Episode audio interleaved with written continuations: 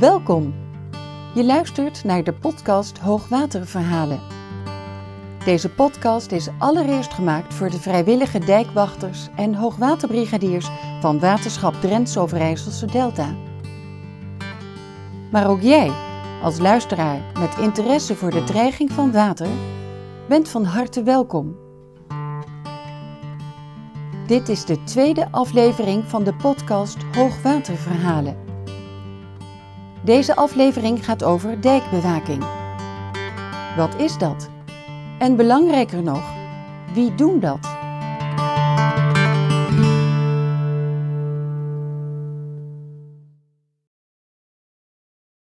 Welkom bij de tweede aflevering van de Hoogwaterverhalen. Mijn naam is Henk van Dijk. Ik ben dijkwacht bij het waterschap Drents Overijsselse Delta. Ik woon in Zwolle, vader van vier kinderen. Naast mij zit uh, Henk Essendal. Klopt. Mijn naam is inderdaad uh, Henk Essendal, kom uit Diepeveen, ben getrouwd, heb drie kinderen. En ik ben sinds kort dijkwacht voor het dijkvak bij Deventer. Oké. Okay. Henk, het uh, waterschap staat voor waterveiligheid, droge voeten, zorgen dat er geen overstromingen komen. een actueel thema, gelet ja. op de ontwikkelingen. Ehm, maar wat is dat eigenlijk precies, waterveiligheid? NOS 8 uur journaal. Mensen worden weggejaagd door het water. Wateroverlast is veranderd in complete watersnood. In Gelderland moeten nog eens 100.000 mensen hun huis verlaten door de zeer hoge Hoogwater, dat zien we aankomen. En dat kun je onder andere zien aankomen door, door computers. Mm -hmm. Die staan bij het uh, Watermanagementcentrum van Waterschappen en Rijkswaterstaat. Oké. Okay. Daar houden ze de waterstanden in de gaten. Zo kunnen we ons voorbereiden door de waterstanden en de verwachtingen nauwlettend in de gaten te houden. Dat is niet het enige. Ik wil zeggen, dat is allemaal computerwerk. Dat is allemaal computerwerk, maar je kunt het ook doen op het oog. Ja. Bijvoorbeeld in, uh, in Deventer kun je in de, aan de welkadel zien wanneer het IJsselwater stijgt en wanneer het mogelijk dreigend gaat worden voor de stad. Ja, Henk, het is uh, mooi dat al die gegevens uh, vastgelegd worden in mm -hmm. dat watermanagementcentrum. Maar ja, dat zijn vooral getallen en die kan iedereen ook bekijken. Die staan op de website van Rijkswaterstaat, waterinfo.rws.nl. Maar ze kunnen begrijpen en interpreteren is nog een heel ander verhaal. ik zou dat niet zomaar kunnen. Hoe, hoe gaat dat? Ja, weet je, um, we weten eigenlijk wel wel wanneer een waterstand bedreigend wordt. Mm -hmm. Dat kun je inderdaad zien volgens die, op die computers. Maar je kunt het ook op het oog zien. Oké. Okay. En daar zijn die dijkwachten voor. Mm -hmm. Er zijn zo'n 750 uh, dijkwachten okay. die aangesloten zijn bij het waterschap Drents Overijsselse Delta. Mm -hmm. En die hebben als taak gekregen om 500 kilometer van de totaal 1000 kilometer dijk die er zijn, mm -hmm. die uh, moeten zij in de gaten houden. En dat zijn allemaal vrijwilligers? Dat zijn allemaal vrijwilligers, okay. klopt. Ja, ja, dat zijn allemaal vrijwilligers. 1000 kilometer dijk, dat is nogal uh, wat. Waar liggen die dijken eigenlijk precies? Ja, die liggen in het gebied van het waterschap. En binnen dat waterschap zijn dan vooral van belang de IJssel en de Vecht. Ja.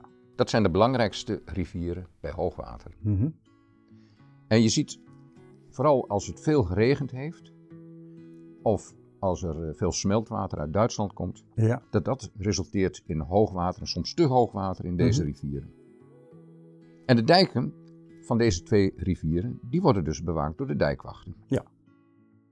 Um, maar dat is niet het enige. Het kan ook zijn dat het water vanuit de, het IJsselmeer bij noordwesterstorm opgestuurd wordt en dat het ook bedreigend uh, kan zijn. Vooral voor een stad als, uh, als Kampen. Hm, ja.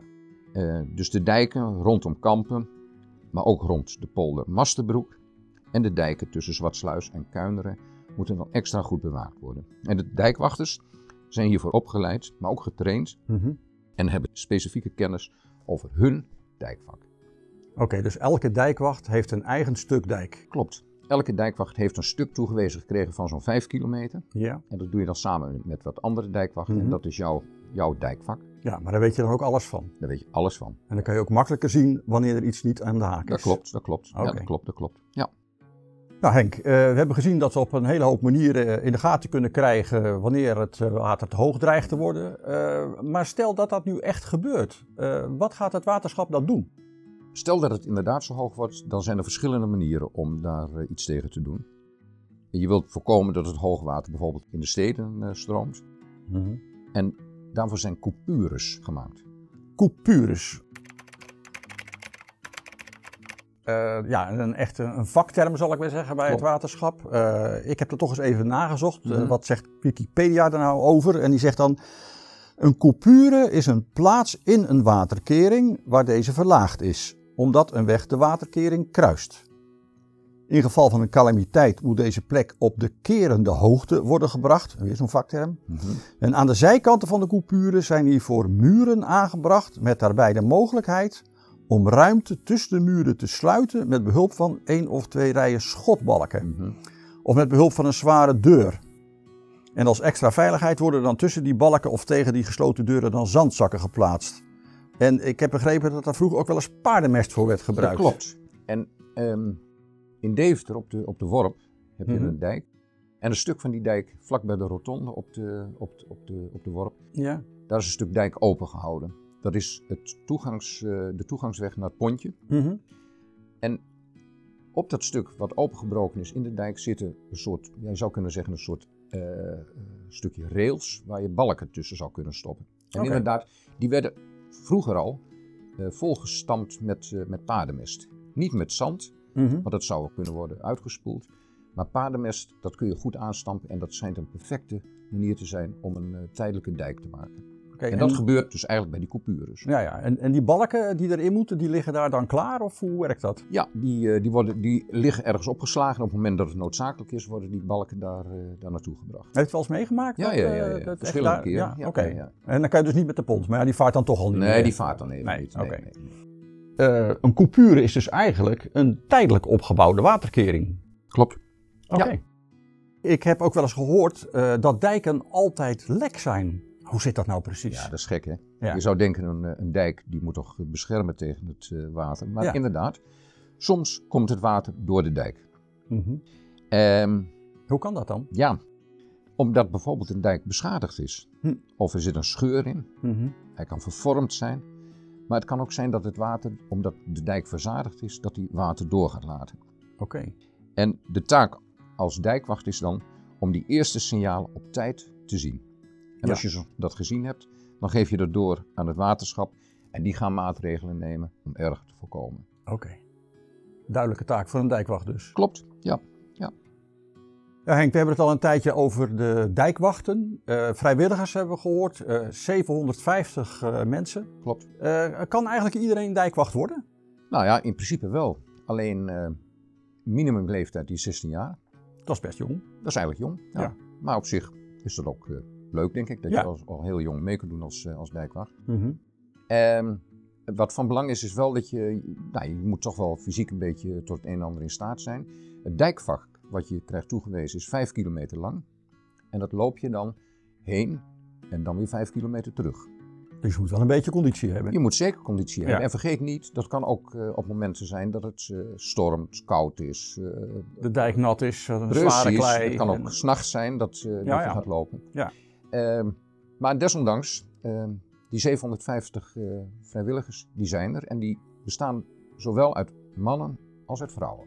Oké, zie je ook eh, de laatste tijd ook meer vrouwen dijkwacht worden? Nou, ik heb die indruk van wel. Ik heb de indruk van wel. Nou, Ja. mooi.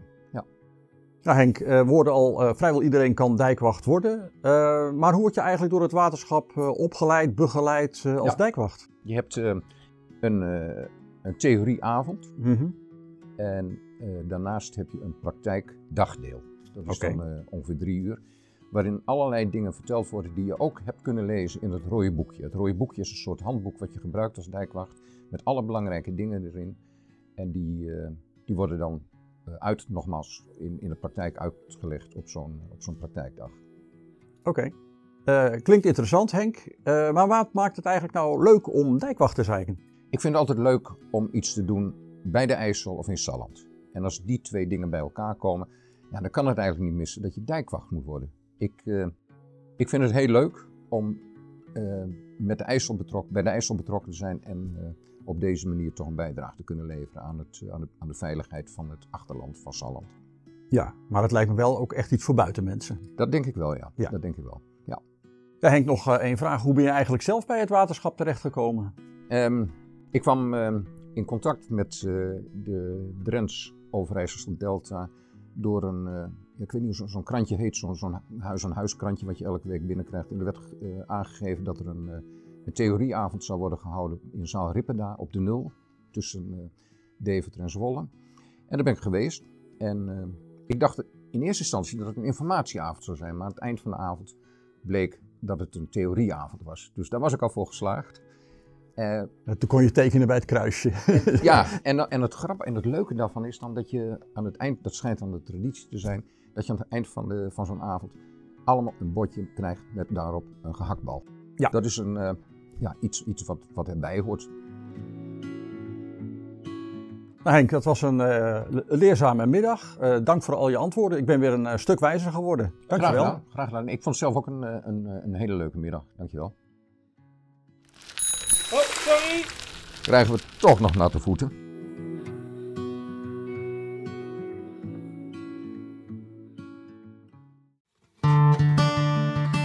Je luisterde naar de tweede podcast uit de serie Hoogwaterverhalen.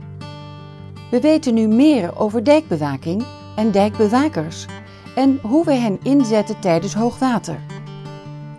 Laat ons weten als je er eentje tegenkomt bij jou in de buurt.